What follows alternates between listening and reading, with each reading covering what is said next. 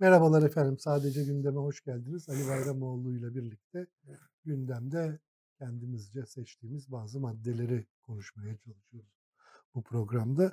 Şimdi bu hafta e, ben aslında kimse üstünde durmaz saçma sapan e, bir tartışma ve e, geçer gider diye düşünmüştüm ama e, uzadı tartışma. Bugüne kadar da sarktı aslında. Birkaç gün önce AK Parti Grup Başkan Vekili Mahir Ünal Ankara'da bir kitap fuarında bir konuşmasında işte Türkiye'de çok şiddetli bir kültür devrimi yaşandığını, bunun harf devrimi olduğunu, harflerin değişmesiyle yani Arap harflerinden Latin harflerine geçişle geçmişimizi kaybettiğimizi söyledi ve üstelik de cümleleri birbirine de karıştırarak, fikirleri de birbirine karıştırarak e, bugünkü Türkçe ile de bir düşünce üretmenin mümkün olmadığını Bak oraya atlamış. Çünkü çünkü bunun e, bu harf devrimi yüzünden oluşan fakirleşme yüzünden e, bugünkü Türkçenin de güdük sadece gündelik konuşmaları idare etmeye yeterli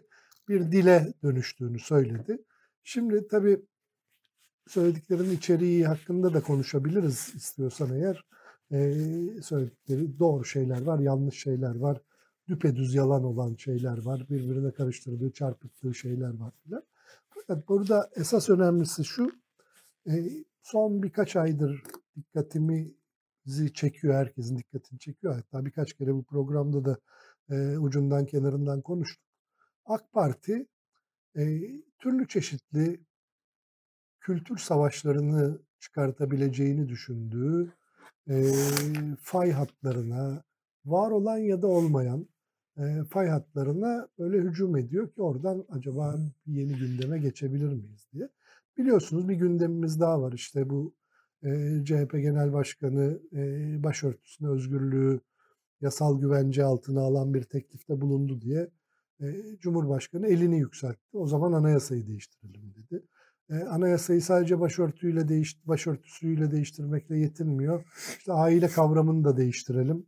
Efendim aile eşler arasındaki birliğe dayalı diye yazıyor anayasada. Kadınla erkek arasındaki diye yazalım. Yani bir tek kadın ve erkek aile olabilir, başka hiçbir şey olamaz anlamına gelecek bir cümle yazalım istiyor. Bununla da yetinmedi. Yani bu bir hak ve özgürlük konusu her iki maddede. Birinde hakları ve özgürlükleri güvenceye alıyor, öbüründe de bir hak ve özgürlüğü, var olan bir hak ve özgürlüğü yok ediyor aslında. Ee, bunu referanduma götürelim dedi. Yani meclisten tek başına kabul edilmesini de çok istemiyor. İlla ki seçmen nezdinde referanduma da sunulsun istiyor. Bu tabii yine bir başka kültür savaşı girişimi bu sonuç olarak. O yüzden bu böyle seçime doğru yaklaşırken bunların şiddetinin, sayısının ve çeşitliliğinin de artmasını bekliyorum açıkçası. Çünkü AK Parti Türkiye'nin geleceği hakkında çok fazla bir şey söyleyemediği müddetçe bu işte kimliklerin altını çizmek, kültür savaşlarıyla kendi grubunu, topluluğunu, seçmenini konsolide etmeye çalışmak gibi yollara başvuruyor. Tabii bu kültür savaşı da öyle bir şey ki girmemek de olmuyor o savaşı. Yani ben bu savaş ya siz bunu bu yüzden yapıyorsunuz. Biz bu savaşa girmeyeceğiz demek de olmuyor. Mutlaka bir yerinden birileri giriyor bu savaşa filan. Ee, işte son bu harf devrimi tartışması da öyle oldu. Gerçi Devlet Bahçeli çok sert bir açıklama yapınca dün e, Mahir Ünal aleyhinde AK Parti konuşmak zorunda kaldı. Cumhuriyete ve değerlerine sahip çıkıyoruz filan demek zorunda kaldı. Bugün yine Meral Akşener de devam etti eleştirilerinde filan. Tek başına harf devrimi konuşmasını konuşmaya çok gerek var mı bilmiyorum. Gerek görürsen konuş ama. Yani madem açtın konuyu. esas bu kültür savaşı e, şeyi benim daha çok ilgimi Evet çekiyor. sen o kavramı çok kullanıyorsun haklı olarak. Yani şöyle söyleyeyim önce bunların ben biraz karnından konuşmalar olduğunu evet. düşünüyorum. Yani toplumsal ve kültürel e, akış, nehrin akışıyla bu tür tartışmalar arasında çok büyük bir ilişki yok. Bunu 1990'larda yapsaydınız 90'ların başında işte bizim beraber çalıştığımız yeni yüzyıldaki ya da işte radikaldeki dönemlerde evet ülkedeki bu fay hatlarının uçlarının, sinir uçlarının iltihaplandığı bir evreydi. Ve kültür savaşları tabiri o dönem için çok yanlış değildi. Evet. kültürsel kültürel gerginlikler e, bu Türkiye'nin tabii hali. Bu bu şimdi bunların ben çok doğru bir şey söyledim arada. Bunların daha çok bir tahkimat evet. aracı, bir aciz aracı olarak ifade edildiğini düşünüyorum. Şimdi Cumhuriyet'ten yani Osmanlı'dan Cumhuriyet'e geçişte bir kültürel kopuş yaşandı muhakkak. Kimse buna yaşanmadı diyemez. Yani pek çok şey yaşam biçimi, değil vesaire değişti. Bunun sonuçlarını Türkiye çeşitli biçimlerde tartışıyor ama yani işte bu bugün dün olduğu gibi yüzeyselleşmeyi beraberinde getirmiştir tarzı kendi kesimine yönelik bir tahkimatın ben çok siyasi bir konuşma olduğunu açıkçası düşünüyorum ve benim kanaatim şu İsmet, Türkiye bugün kültür savaşları döneminde değil. Biraz önce söylediğim şeyi tekrar edeyim. Türkiye'nin evet tarihsel belirleyenleri arasında kültürel fay hatlarının e, ayrışması ya da bu fay hatlarının varlığı çok önemli sınıfsal, ekonomik, sosyoekonomik gerginliklerden çok onları da içeren kültürel ayrışmaların yaşandığını e, çeşitli nedenlerle biliyoruz, görüyoruz, yaşıyoruz. E bunlar da bizim siyasetimizi de etkiliyor. Siyasi partilerimizin dilini, tutumunu da etkiliyor. Fakat e, dediğim gibi bu zemin de ortadan kaybolmadı ve kaybolmaz. Kaybolması için de bir evet, neden yok. Evet ama işte biraz anakronik bir şey. Yani yepyeni bir şey söyleyemiyorsun. Bundan 50 hey, yıl ona, önce tabii. kullanılmış argümanları bugün yeniden duymak insanı hakikaten... Doğru ama çok karşılığı olduğunu düşünmüyorum. Yani yok da problem orada. Yoktu. Yani söyleyebilirsiniz. Mahir Ünal'ın söylediği bir spekülatif bir açıklama olur. İşte o konuşur, bu konuşur filan konu kapanır gider. Yani bu bu konu bugünkü seçmeni, bugünkü toplumsal kesimleri böyle harekete geçirecek bir konu değil. Başörtüsü farklı.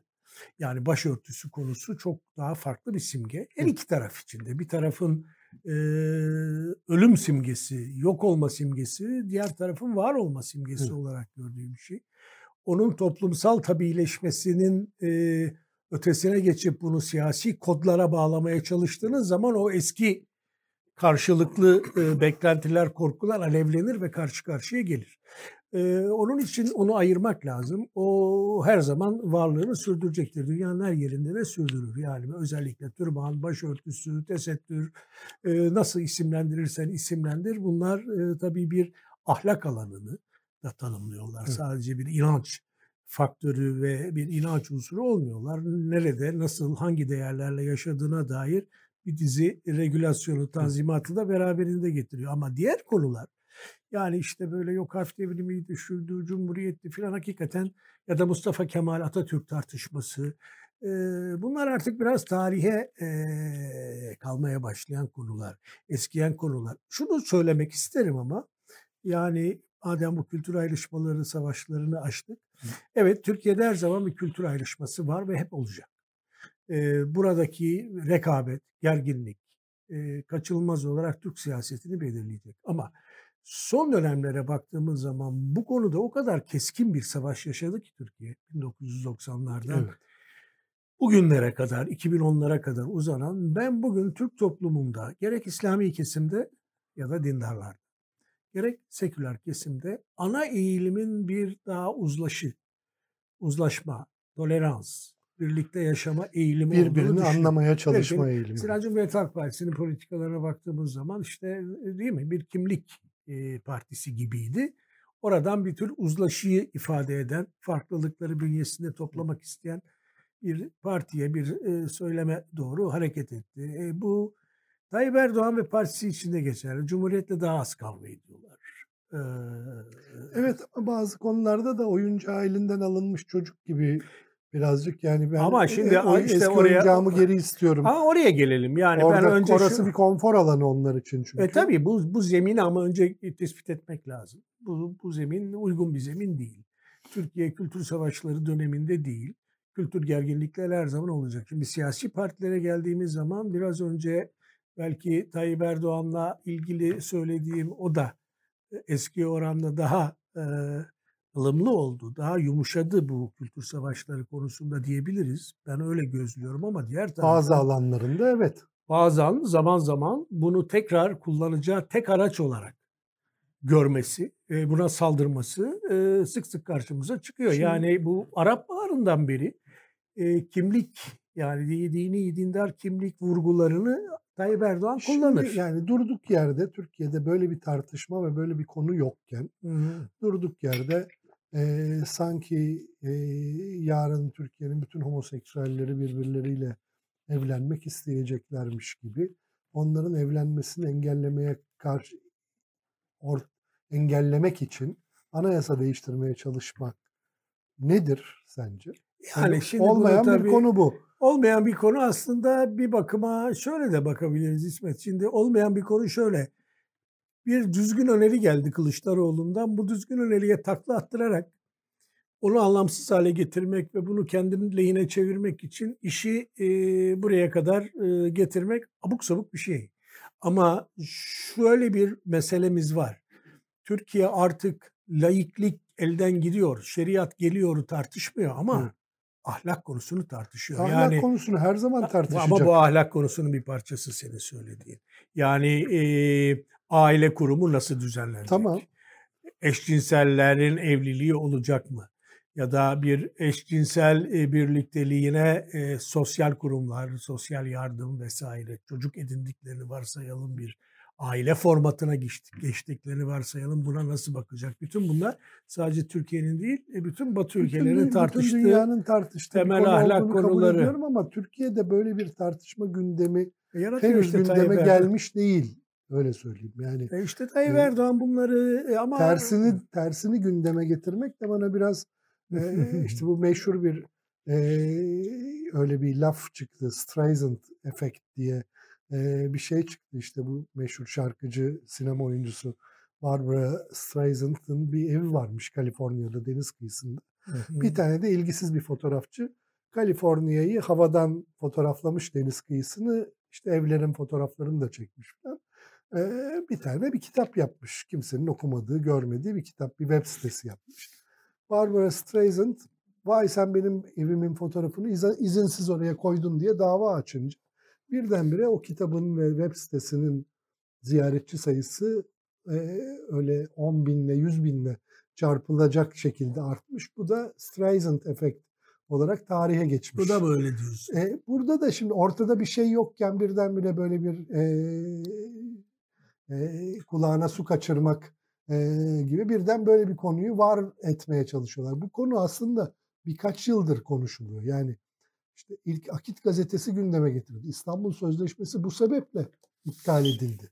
Kadınlar bölümü Demek var sebebiyle. İsmet bir Hayır tarafıyla bu da. bir, bu bir çeşit hüsnü kuruntu.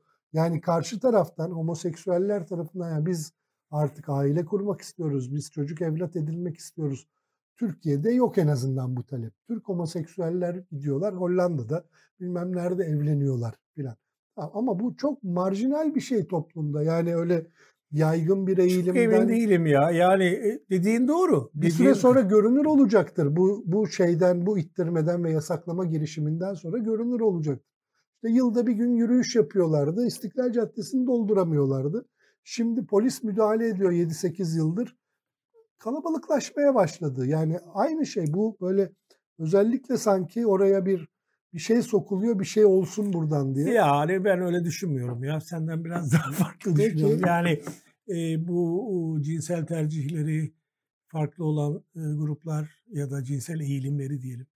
Farklı olan gruplar e, eskiden mesela 60'lı yıllarda e, Fransa daha özgür bir ülkedir. İşte Foucault bir homoseksüeldi. Roland Barthes homoseksüeldi. Bunlar Boulogne ormanlarına gidip e, orada e, eş bulurlardı ya Evet. da çok gizli e, yaşarlardı. Hiçbir zaman itiraf etmezlerdi. Şimdi bu değişti değil mi? Tabii Yani daha- dünyanın her yerinde artık sadece bu değişmedi. Bu kurumlara, yasalara, düzenlemelere dönmeye onun için o başladı. yürüyüşlerin adı Evet e, Pride, onur yürüyüşü. oluyor ama Türkiye'de de şimdi eskiden homoseksüel, gay olduğunu söylemek de büyük bir sorunken başka açılardan da sorunken şimdi binlerce insan bir araya gelip yürüyor. Bu sadece profesyonel çalışan travestiler yürüyüşü değil. Evet. Bu yani bu bu bu insanların kendilerini biz buradayız. Haklarımız, taleplerimiz var diye ortaya çıkmasıyla ilgili bir şey. Yani o tarafa doğru bir e, özgürleştikçe toplumlar baskı altında tutulan, yok sayılan ya da suskunluğa itilen şeyler ortaya çıkıyor.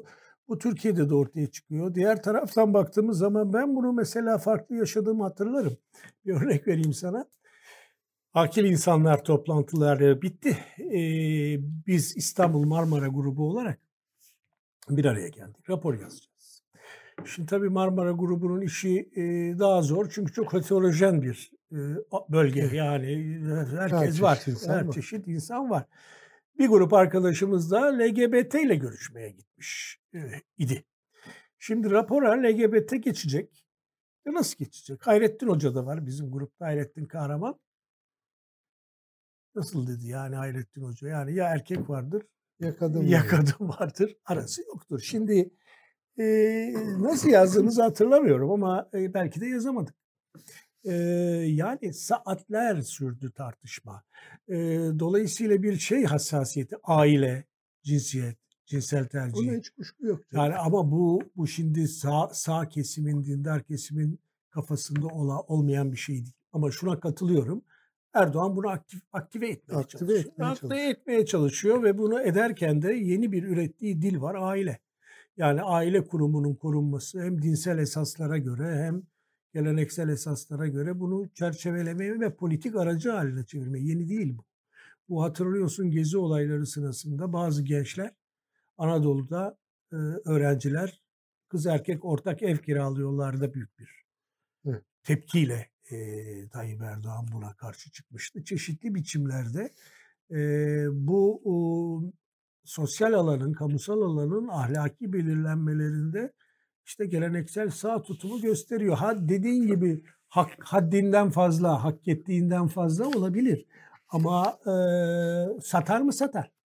Yani ben sana söyleyeyim bu beden meselesi yani insanın bedeninin üstündeki tasarruf kimindir? Kendisinin midir? Devlet. Devletin midir? E, Tanrı'nın mıdır? Yani pek çok ucu açık bunun. E, bu siyasallaştırılırsa bu tartışma bu- bunun bir pazarı olur e, diye düşünüyorum. Yani yanlış mı? Bence son derece lüzumsuz. E, bazı şeyleri akışına bırakmak e, gerekir ama e, işte Erdoğan'ın bakış açısında şunun olduğunu da her zaman bilmek lazım. Onun bir ideal değerler sistemi var.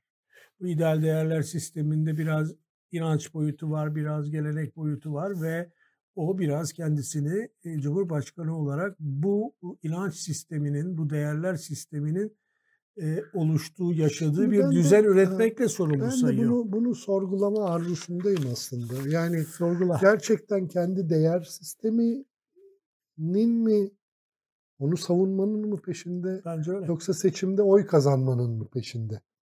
Ee, Birbirinden ayrılmayabilir de bunlar İsmet. e, bana sanki seçimde oy kazanmak daha önemliymiş gibi geliyor. Çünkü kendi değer sisteminden seçimde oy kazanmak söz konusu olduğunda zaman zaman onu birazcık arka plana bıraktığını biliyoruz.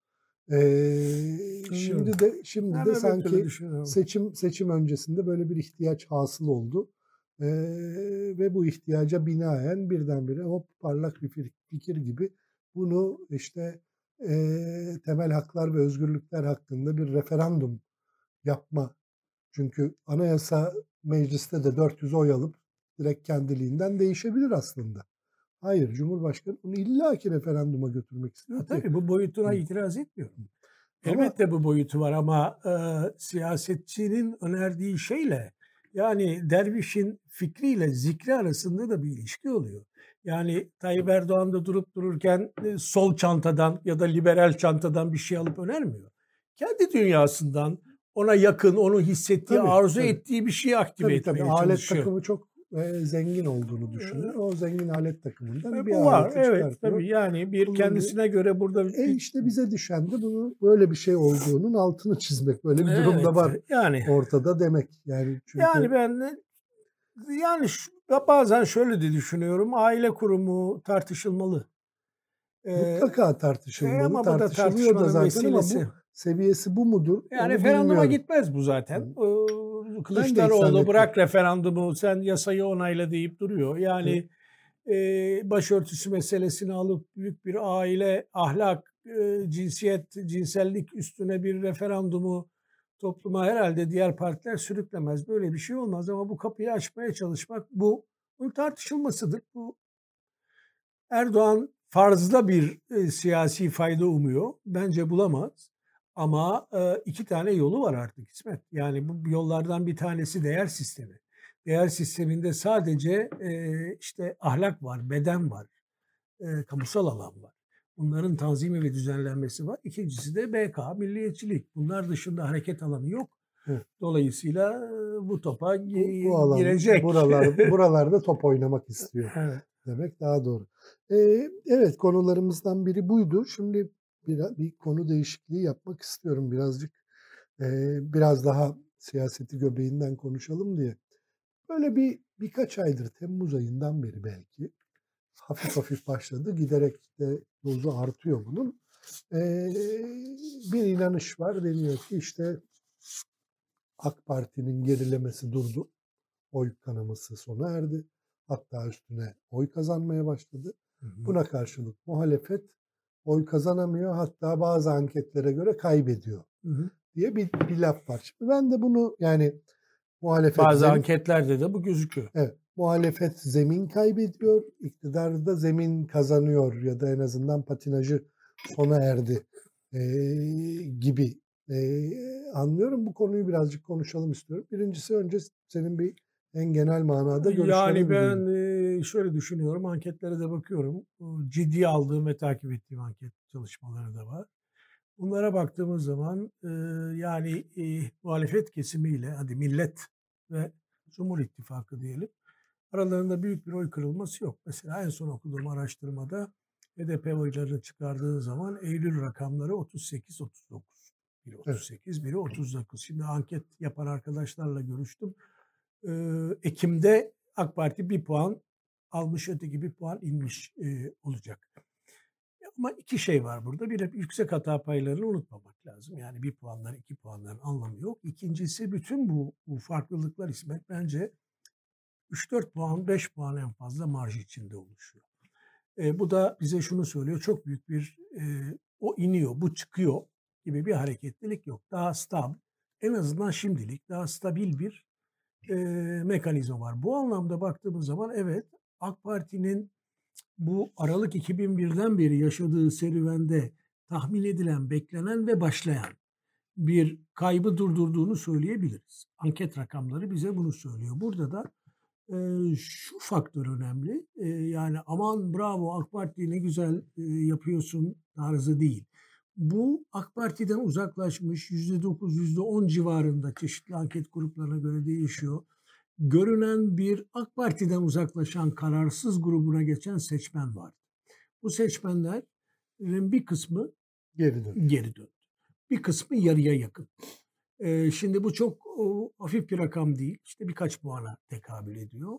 Ee, bunun e, pek çok anketör ya da anketör demeyip de e, anket değerlendirmecisi bunu e, kafası karışan, tedirgin olan gelişmeler karşısında ama alternatiflere bakıp yine alternatif görmeyip Erdoğan'a dönen ve Erdoğan'ın krizle ilgili, ekonomik krizle ilgili popülist tedbirlerini ve siyasi açıklamalarını kısmen satın alan satın alan bir gruptan bahsediliyor. Bu böyle midir mi bilmiyoruz ama şunu görebiliyoruz. Yani bazı anketler çok uçlara gidiyor ama evet Erdoğan ve Cumhur en azından benim beklediğim daha az örselenmeye başladı. Kan kaybını şu anda durdurdu. Bunun nedenleri tartışılabilir. Yani şu nedenle, bu nedenle, bu nedenle işte karşı tarafa olan güvensizlik ya da keskin ayrışmalar, konuştuğumuz kültürel ayrışmaların etkileri, Erdoğan'ın dış politikadaki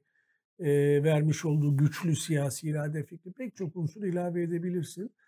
E, ama yani bunu böyle gündeme getirip o kaybediyor, bu geriliyor diye bir e, şeyi lanse etmenin doğru olmadığı kanaatindeyim. Aynı yerde duruyoruz. E, dengeler de sonuç olarak şuraya gelecek. Yarın sonunda Kürt seçmen ne yapacak? E, Kürt seçmen birinci turda mesela e, aday koymazsa Erdoğan bak işte CHP ile HDP ilişki kuruyor diye bunun üstüne tepinecek mi?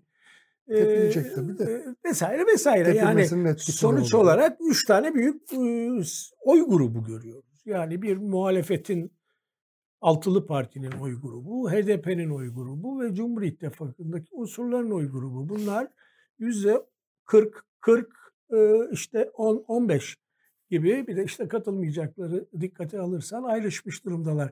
1-2 puan e, parlamento yarışmasında kimseyi etkilemez ama Cumhurbaşkanlığı seçimleri için çok önemli. Son tabii. derece kritik olacak. Şimdi ben de hemen hemen senin gibi düşünüyorum. Yani böyle e, bir olgusal tarafı var bu işin. Sen işte anlattın bunu. Yani e, oylar 3 aşağı 5 yukarı bundan 4-5 ay önce neredeyse hemen hemen oralarda bir yerde duruyorlar. E, bu bir de böyle barometre gibi gün be gün takip edilebilir bir konu da değil. Belli aralıklar bırakmak gerekiyor e, iki anketin arasında. E, o bakımda yani çok da değişen yeni bir şey yok. E, olgusal tarafı bu bu işin. E, fakat bir de olgusal olmayan, duygusal olan tarafı var bunun. Şimdi hepimiz Türkiye'de her siyasi kesimden herkes bir duygusal salıncağın üstünde bir o yana bir bu yana sallanıp duruyoruz. Ee, ve bu duygusal salıncak içinde bazen tuttuğumuz tarafın kesinlikle kazanacağına kanaat getirmiş oluyoruz. Bazen de kesinlikle kaybedeceğine evet. e, dair ağır bir depresyonun içinde oluyoruz. Bu bu duygusal salıncak e, bir o yana bir bu yana sallanıyor ve sallandıkça da biz de o salıncak bizimki henüz sallanmamış olsa bile o salıncaktan etkileniyoruz. Bazen rakibin salıncağından da etkileniyoruz. Aa, bunlar böyle birden moral buldular. Biz de, acaba bizde bir eksik mi var? Biz kaybediyor muyuz gibi bir şey oluyor. Bu da işin duygusal tarafı. Şimdi bunun duygusal tarafını tarafının daha ağır bastığı çünkü yani her seçimi bu ülkenin kritiktir elbette ama bu sefer son derece kritik bir seçime doğru gidiyoruz. Ee, ve bu kritik seçim öncesinde de özellikle muhalefeti destekleyen tarafın beklentisi çok yüksek. Tayyip Erdoğan'ı ve iktidarı Cumhur İttifakı'nı destekleyen tarafın beklentisi ise e, mevcudu korumak üstüne yani iktidarımız devam etmeli üstüne kurulu olduğu için duygular çok önemli, keskin bir biçimde rol oynuyor bu işte. Şöyle bir şey var sanki. E, şimdi ben hep bana sorulduğunda e, şu örneği veriyorum. Yani her iki taraftan insanlar da bana soru sorabiliyorlar bu konuda.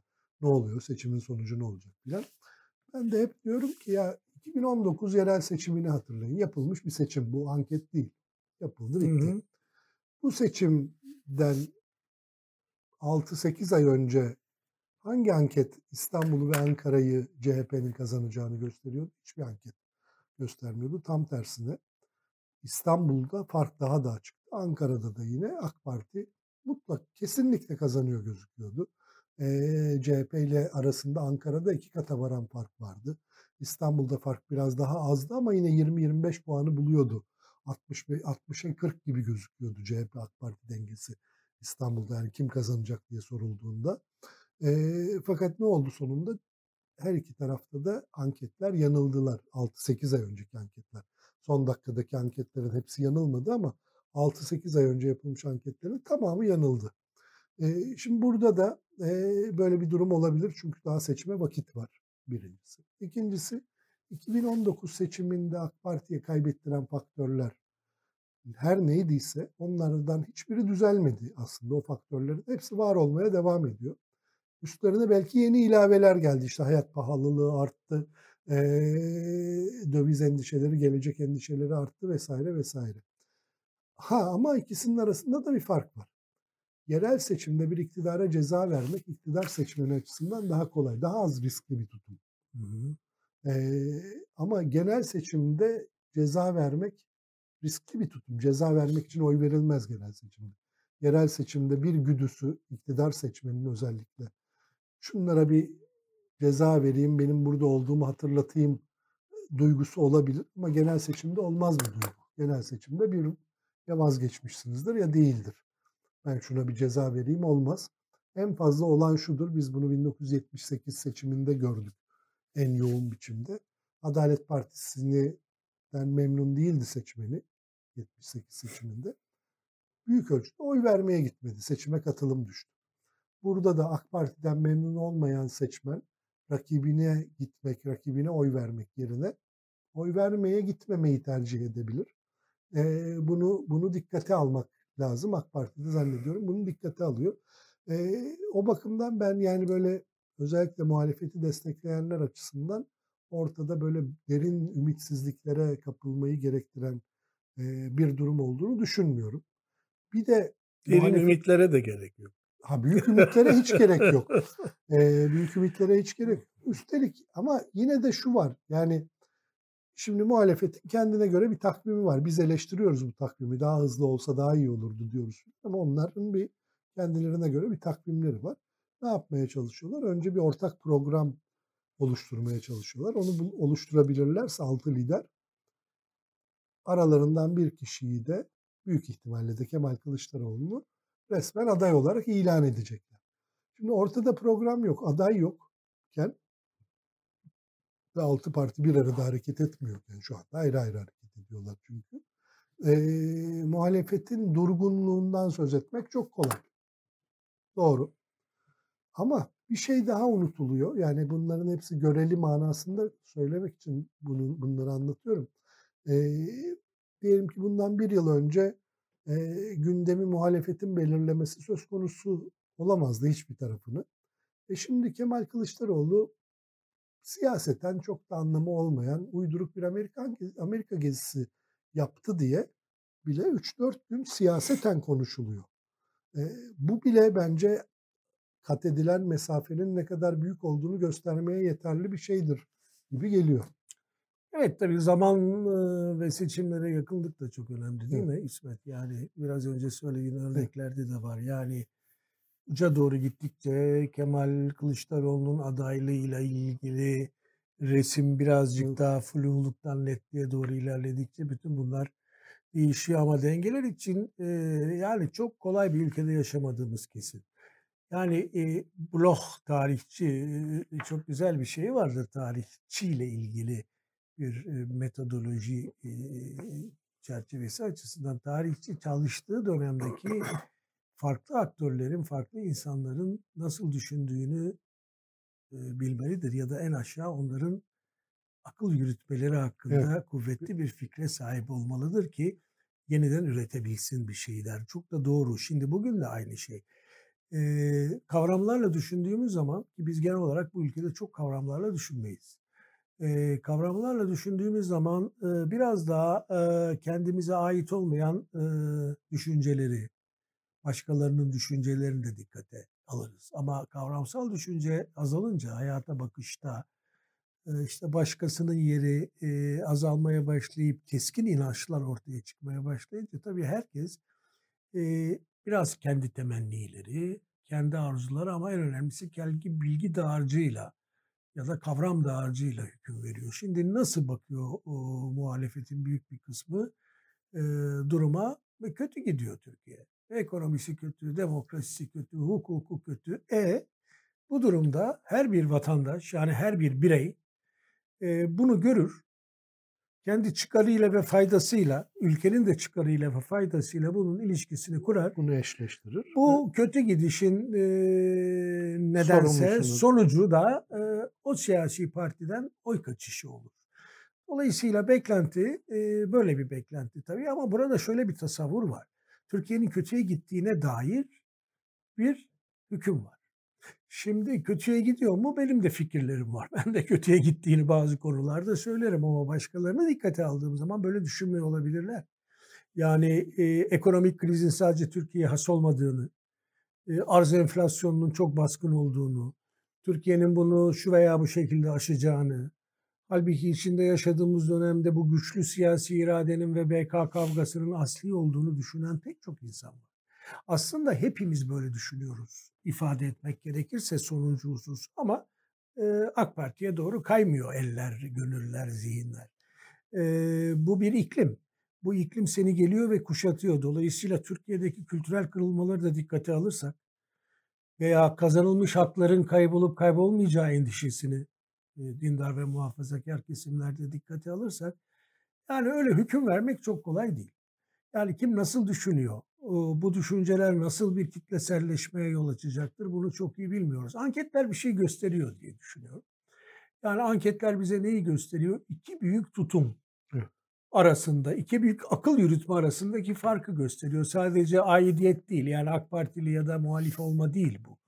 Yani bir e, buraya sahip çıkmak, buralı olmak, e, kabul etmek, gerekirse soğan ekmek yemek, e, taviz vermek, fedakarlık yapmak ile talep etmek arasında e, ve eleştirmek arasında bir bakış var. Bir de tabii simgeler farklı. Bir yerde muhafazakar simgeler var. E, diğer tarafta işte hayat tarzıyla ilgili farklı simgeler var. E, dolayısıyla hüküm vermek için çok erken ama bana soracak olursam ben bu tablonun çok değişeceğini sanmıyorum. Türkiye seçimlere böyle girecek. Ee, özellikle Cumhurbaşkanlığı seçimleri tabii başka bir şey. Parlamento seçimlerinin neticelerinin çok değişeceğini sanmıyorum. Yani %60'a %40'lık bir ya da 55'e 45'lik bir muhalefet iktidar dengesi olacaktır. İktidar kaybedecektir parlamento seçimlerini. Bu bu hakkaka yakın benim Evet, nezdimde. benim gözümde de öyle. Ee, ama başkanlık seçimleri ya da cumhurbaşkanlığı seçimleri o kadar konjonktür faktörleri, o kadar kişi faktörü, o kadar söylem faktörüyle iç içe giriyor ki e, her şey bir anda değişir. Muhalefeti düşünelim İsmet. Erdoğan'ı istememezlik, Erdoğan'ın gitmesini arzu etmek. Levent Gültekin bile Cumhurbaşkanı adayı oldu. Baskı. Ve e, Aday adayı olamadı. Yani şey toplayamadı, imza toplayamadı ama Ama Metin Feyzioğlu da Cumhurbaşkanı Metin Feyzi- adayı olarak Metin görüldü. Feyzioğlu, devam edelim Sarıgül. Bugün işte iktidara gelirsem offside'ı kaldıracağım diye e, propaganda yapabilen bir e, eski başkan, belediye başkanı. Muharrem İnce, davul zurnayla geldiği düşünülüyordu. Yani burada seçtiğimiz şey değil de istemediğimiz, gitmesini arzu ettiğimiz şey o kadar kuvvetli ki e, biz seçtiğimiz şeyle hala ilgilenemiyoruz ve seçtiğimiz şey ne olacak? Ondan ikna olacak mıyız, olmayacak mıyız? Son dakikada nasıl hareket edeceğiz?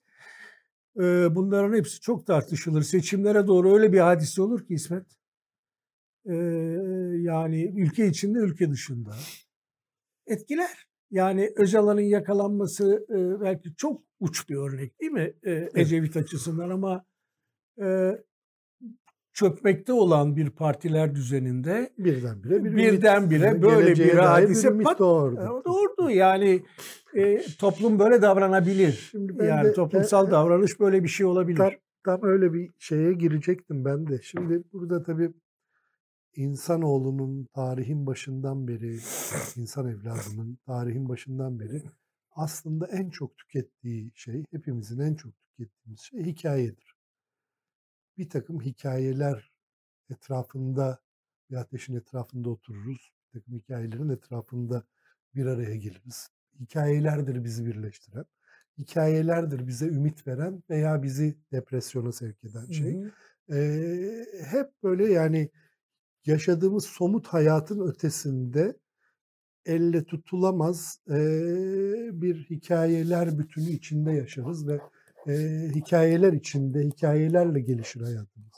Siyaset de biraz böyle bir şey. Ticaret de aslında bir, bir sürü markanın da böyle maceraları var. Şimdi eee, beğenelim beğenmeyelim iktidar kanadının bir hikayesi var başı sonu olan bir hikayesi var. Sonunda bize varmak istediği yeri 2073 yılında, 2071 yılında pardon, eee, Malazgirt Savaşı'nın bininci yılında nereye hiçbirimiz yaşamayacağız. Yani ben yaşamayacağım, sen de herhalde yaşamazsın.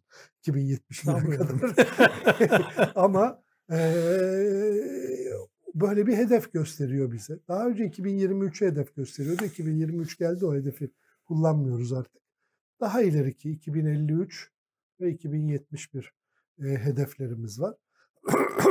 filan böyle bir hikaye var. Bu hikayenin bir kahramanı var. Başrol oyuncusu var Tayyip Erdoğan diye. O o karakter de altı dolu tanıdığımız, bildiğimiz bir karakter. Dolayısıyla yani şimdi işte iki gün sonra Ankara'da bir toplantıda yeni seçimin yeni programını anlatacak Tayyip Erdoğan. Yani yeni hikayelerini anlatacak. Ne diyor? Türkiye yüzyılı olacak bu yıl, bu yüzyıl diyor. Yüzyılın beşte birini ge- geride bıraktık. Neredeyse dörtte birini geride bırakmak üzereyiz ama kalan bölümünün Türkiye'ne Türkiye'ye ait olacağını böyle bir iddiayla yola çıkıyor. Bunlar hikayeyi oluşturan önemli unsurlar. Bazıları için alay konusu olabilir bunlar ama ben hiç alay Ben etmiyorum. iki yıldır bunları yazıyorum. Son Aynen. derece ciddiye alınması gereken bunlar çünkü geleceğe ilişkin bir ufuk çiziyor. E, şimdi karşısına da rakip bir hikaye lazım ve bir kahraman lazım. O hikayeyi taşıyacak bir de kahraman lazım. Kahramanınız illa Tayyip Erdoğan kadar çekici, güçlü bilmem ne olmayabilir. 20, 20 yıl önce Tayyip Erdoğan da o kadar güçlü, çekici bir kahraman değildi. Ama hikayenizin düzgün olması gerekir. Ve hikayeniz sadece geçmişin kötülüklerinden söz etmemeli. Gelecekte de güzel günler olacağına dair bize ümit vermeli. Yani 2071 kadar uzak bir vadede olmak zorunda da değil. 2030'da şu olacak, 2028'de bu olacak filan gibi daha kısa vadede daha iyi ve güzel hayal kurdurtacak bir şey olabilir hikaye. İşte unutmayalım Ekrem İmamoğlu'nun bütün hikayesi her şey güzel olacak diye bir cümleden ibaretti. O kadardı. Altında yani ne, nedir güzel olacak olan Ee, merak etmedik. Çünkü gülümsemek istiyordu insanlar. Güler yüzlü posterler vardı filan. Buydu bütün hikaye.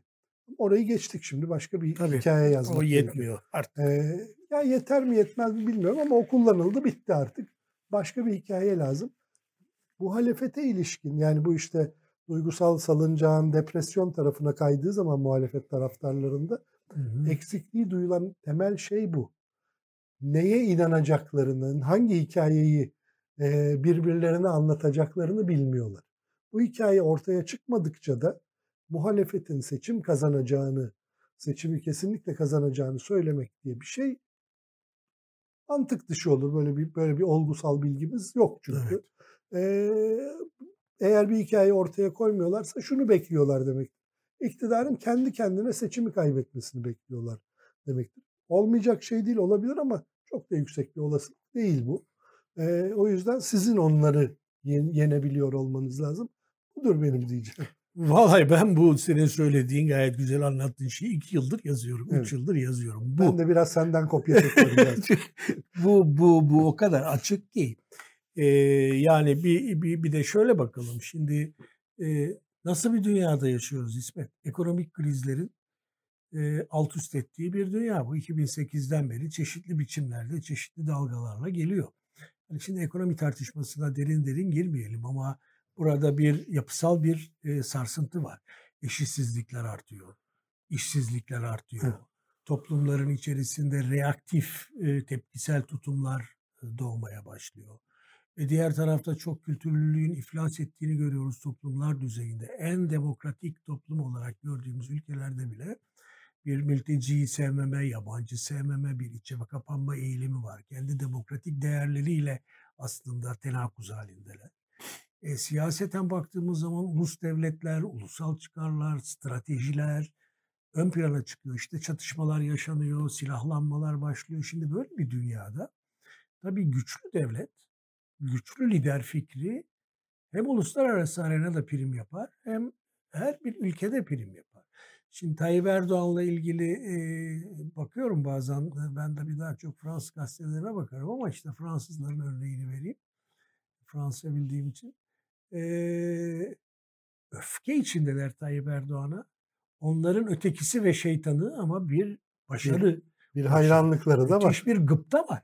Yani başarılı, bizim yapamadığımızı yapıyor, alan dolduruyor. Şimdi bu içeride de var. Yani e, bir varoluş, BK endişesi, işte ne bileyim terörün bittiği kanaati vesaire vesaire hepsi bir araya geldiği zaman güçlü lider ihtiyacı çok önemli olmaya başlıyor. Bir de bu güçlü lider tam da senin söylediğin gibi kalkıp ya bir dakika biz işte demokrasi demokrasi falan falanız şimdi e, bir iki denedik. Zaten bu konuda da yol aldık. Artık iki tane hedefimiz vardır. Ekonomik büyüme, politik büyüme. E, ve güçlü Türkiye. E, bakın bunun kriterleri de e, bende var. Dünya da bu istikamete gidiyor dediği zaman e, bu çok hafife alınacak bir dil değil. Yani bunun karşısına işte enflasyon, çarşı pazar fiyatıyla e, Türkiye gibi ülkelerde çıkamıyorsunuz. E, bir şey daha ekleyeyim. Şimdi bu o, o seçimli otokrasiler denilen şey. Şimdi dünyada böyle bir şey çıkmaya başladı biliyorsun. Adam seçimle geliyor, o son derece otokratik bir şekilde muhalefet liderini hapse atıyor ya da başka bir şey yapıyor. Batı'nın dışına doğru gittiğimiz zaman ki Batı'nın içinde de var. Yani Tabii Orban, tabii Polonya, Polonya, Polonya ve Macaristan örnekleri. işte. Verebiliriz. Yani bu işte bazı ülkelerde de e, kokusu çıkıyor bunların. Dışarıya doğru gittiğimizde gördüğümüz çok açık bir şey var. E, otokratik bir e, kapitalizmi ya da otokratik bir seçimli sistemi taşıyan şey aslında milliyetçilik, milli kimlik. Batıya karşı veya bir bir yakındaki bir başkasına karşı. Şimdi bu o kadar çok aktive olan, satan bir şey ki e, bunun Türkiye'de de izleri var. Bunu görmemek işte mümkün değil. Tarih Bak, boyunca da art, var. satan bir şey oldu. Tabii yani. yani her zaman mesela Zafer Partisi İsmet konuştuk bir kere yüzde dört en son gördüğüm. Sıfır, sıfırdan nereye geldi? Ya yani? bir dakika yani bir iki tane siyasi parti biri Babacan biri Davutoğlu iki tane önemli siyasi figür AK Parti'den ayrılıp ya biz muhafazakarlığı dönüştüreceğiz muhafazakarlık bu değildir daha açık özgürlükçü vesairedir sahaya çıktılar. Aldıkları oy birinin iki buçuk anketlerde Birinin iki. birinin iki bir buçuk neyse bir sahaya çıkıp tek temayla ve zaman zaman abuk sabuk yani İçişleri Bakanı'na köşede bekliyorum ha, gel sokak dövüşelim ağzıyla. ağzıyla konuşan bir adam bir anda yüzde dörde ulaşıyor. Şimdi e, şunu da dikkate alalım. Yüzde dört oy vereceğim diyecek olan var. Oy vermeyip onun gibi düşünen de e, muhtemelen on binler var. Şimdi böyle bir Türkiye'de yaşıyoruz. Sırf Zafer Partisi'nin yaşadığı bu kabarma bize toplumsal ruh haliyle ilgili çok şey anlatmalı. İki şeyi de ayırmak lazım İsmet. Biraz önce konuştuk. Bir, toplumdaki yapısal değişimler. Bu yapısal değişimlerin üreteceği siyasi dalgalar olur. İşte İslami hareket yükselir vesaire. Bunlar yapısal değişimlerdir ama bir de anlık psikolojileri vardır toplumların. Ee, o anlık psikolojileri de kuşatan şey bu biraz önce anlattığım iklimdir. Bunların hepsi Tayyip Erdoğan lehine esiyor. Ee, bunu kırabilmek için çok uzun süredir söylediğim benim e, senin de bir şey var. Yani dış politik alana girmek, dünya hakkında ve Türkiye'nin geleceği hakkında birkaç şey söyleyebilmek. Bunların hiçbiri yok. Hala eleştiri politikası üstünden giden bir muhalefet Evet var. ama dediğim gibi onların da kendilerine göre yani biz ben beğenmiyorum ama onların bir zamanlaması var. Öyle söylüyorlar. Umarım. Ee, işte bir program ortaya çıkartmaya Ben o çalışıyorlar. kanaatte değilim. Ben sana söyleyeyim. Bu Yani- bu şuna söyle şöyle söyleyeyim ben e, müzikten örnek vereyim. Yani ne kadar müzik konusunda çok derin bilgilerim yoktur ama yani program armonidir. Dil söylem melodidir. Evet. Dilin, söylemin ve o şarkıcın yoksa yani bir Sezen Aksu'nun yoksa İstediğin kadar. o şarkıyı söyleyemezsin. Bir başkası Sezen'in çıkardığı sesi çıkaramaz. O duyguyu ve o melodiyi sende etkileyemez. Şu an evet bugün ama Sezen Aksu şarkısını da biliyorsun. Başkası olma kendin ol. Şimdi, Başkası olma kendin ol. Evet Evet. işte oluyor. Başkası olma kendin ol. Ee, doğru. Ee, yani Bu da ikinci bir. Tayyip Erdoğan'a Ama ihtiyacımız yok ama şöyle bir şey var. Kendinin içerisinden bir dil üretebilmen önemli. Yani yaptığın e, son derece sası, son derece sıradan e, dışişlerinin eski memurlarından, e, askerin eski mensuplarından e, aldığın e, tavsiyelerle Evet. limitleri aşmayan bir siyaset dili üretmek olmuyor işte. Ee, Geldik mi? Az kaldı. Bir, bir beş dakikamız daha var. Bu konu şimdi şu bakımdan herkesin de çok ilgisini çekiyor. Kemal Kılıçdaroğlu e, üç gün önce, yok, cumartesi günü pardon, e, Sivas'taydı. Partisinin bir işte belediye başkanlarıyla bir çalıştayı vardı. Akşamında da Sivas'ın yerel kanalı Kanal 58'e konuk oldu. Ve orada bir yerinde ben samimiyet buhranıyla ağzından kaçırdığını düşünüyorum ama arka arkaya bir sürü cümle söylüyor. Ee, yani çok planlı bir açıklama olmadığını düşünüyorum. Ee, yani seçmenin de ya bu sefer de Kemal Bey'i deneyeyim, şu, şu Kılıçdaroğlu'nu deneyeyim demesi gerektiğini söyledi. Yani Tayyip Erdoğan'ı yeterince denediniz, sizi kandırdı. Her seferinde sizi yarı yolda bıraktı. Bir seferde şunu şu fakiri deneyin ee, Pazardaki bak- satıcı gibi yani. Ha, bakalım ne olacak. Şimdi aslında bu duygu da vardır. Yok değildir. Çünkü 2002 sonunda ben seçmenin duygusunu yani bundan 20 yıl önce seçmen duygusunun ya bu diğerlerini yeterince denedik ve bizi batırdılar getirdikleri hal belli. Bir de bunu deneyelim. İzme bir şey sorayım sana güzel de. Ee, bir gerçek muhafazakar neden CHP'ye oy vermez? Ya da e, tersi nedir kısıtları, nedir engelleri?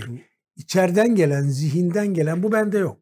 Bu muhtemelen sende de. Bende de yok. Yani bizim için şey geçişler Belki ben daha de, kolay. benim de CHP'ye oy vermem çok zor oluyor ama Başka bir şey. Ya, ama şeyin yok benim. Yani e, önümde böyle aşılmaz aidiyet, tarih, geçmiş, öfke engelleri yok.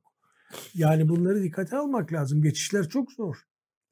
Yani deneyelim derken. Yani zor olduğunu ben de görüyorum ama işte e, CHP Genel Başkanı'nın ve potansiyel Cumhurbaşkanı, muhalefetin potansiyel Cumhurbaşkanı adayının söylemi de bu. Kendini tanıtırken, e, kendi Evet. adaylığını ilk defa ilan ederken kullanmayı tercih Şey ettiği cümleler bunlar. E, o bakımdan yani bunun bunun önemli olduğunu düşünüyorum. Çünkü bunu Önemsiz başka bir şey söylemiyor da bir, bir, bir seferde beni tercih edin. Ya ne olacak? Bakalım ne olacak? Bakalım. Edecekler mi? Evet, hep, Evet. bir- hep birlikte göreceğiz herhalde. Evet efendim bu haftada sonuna geldik. Önümüzdeki hafta yeniden görüşmek ümidiyle. İyi günler. İyi günler.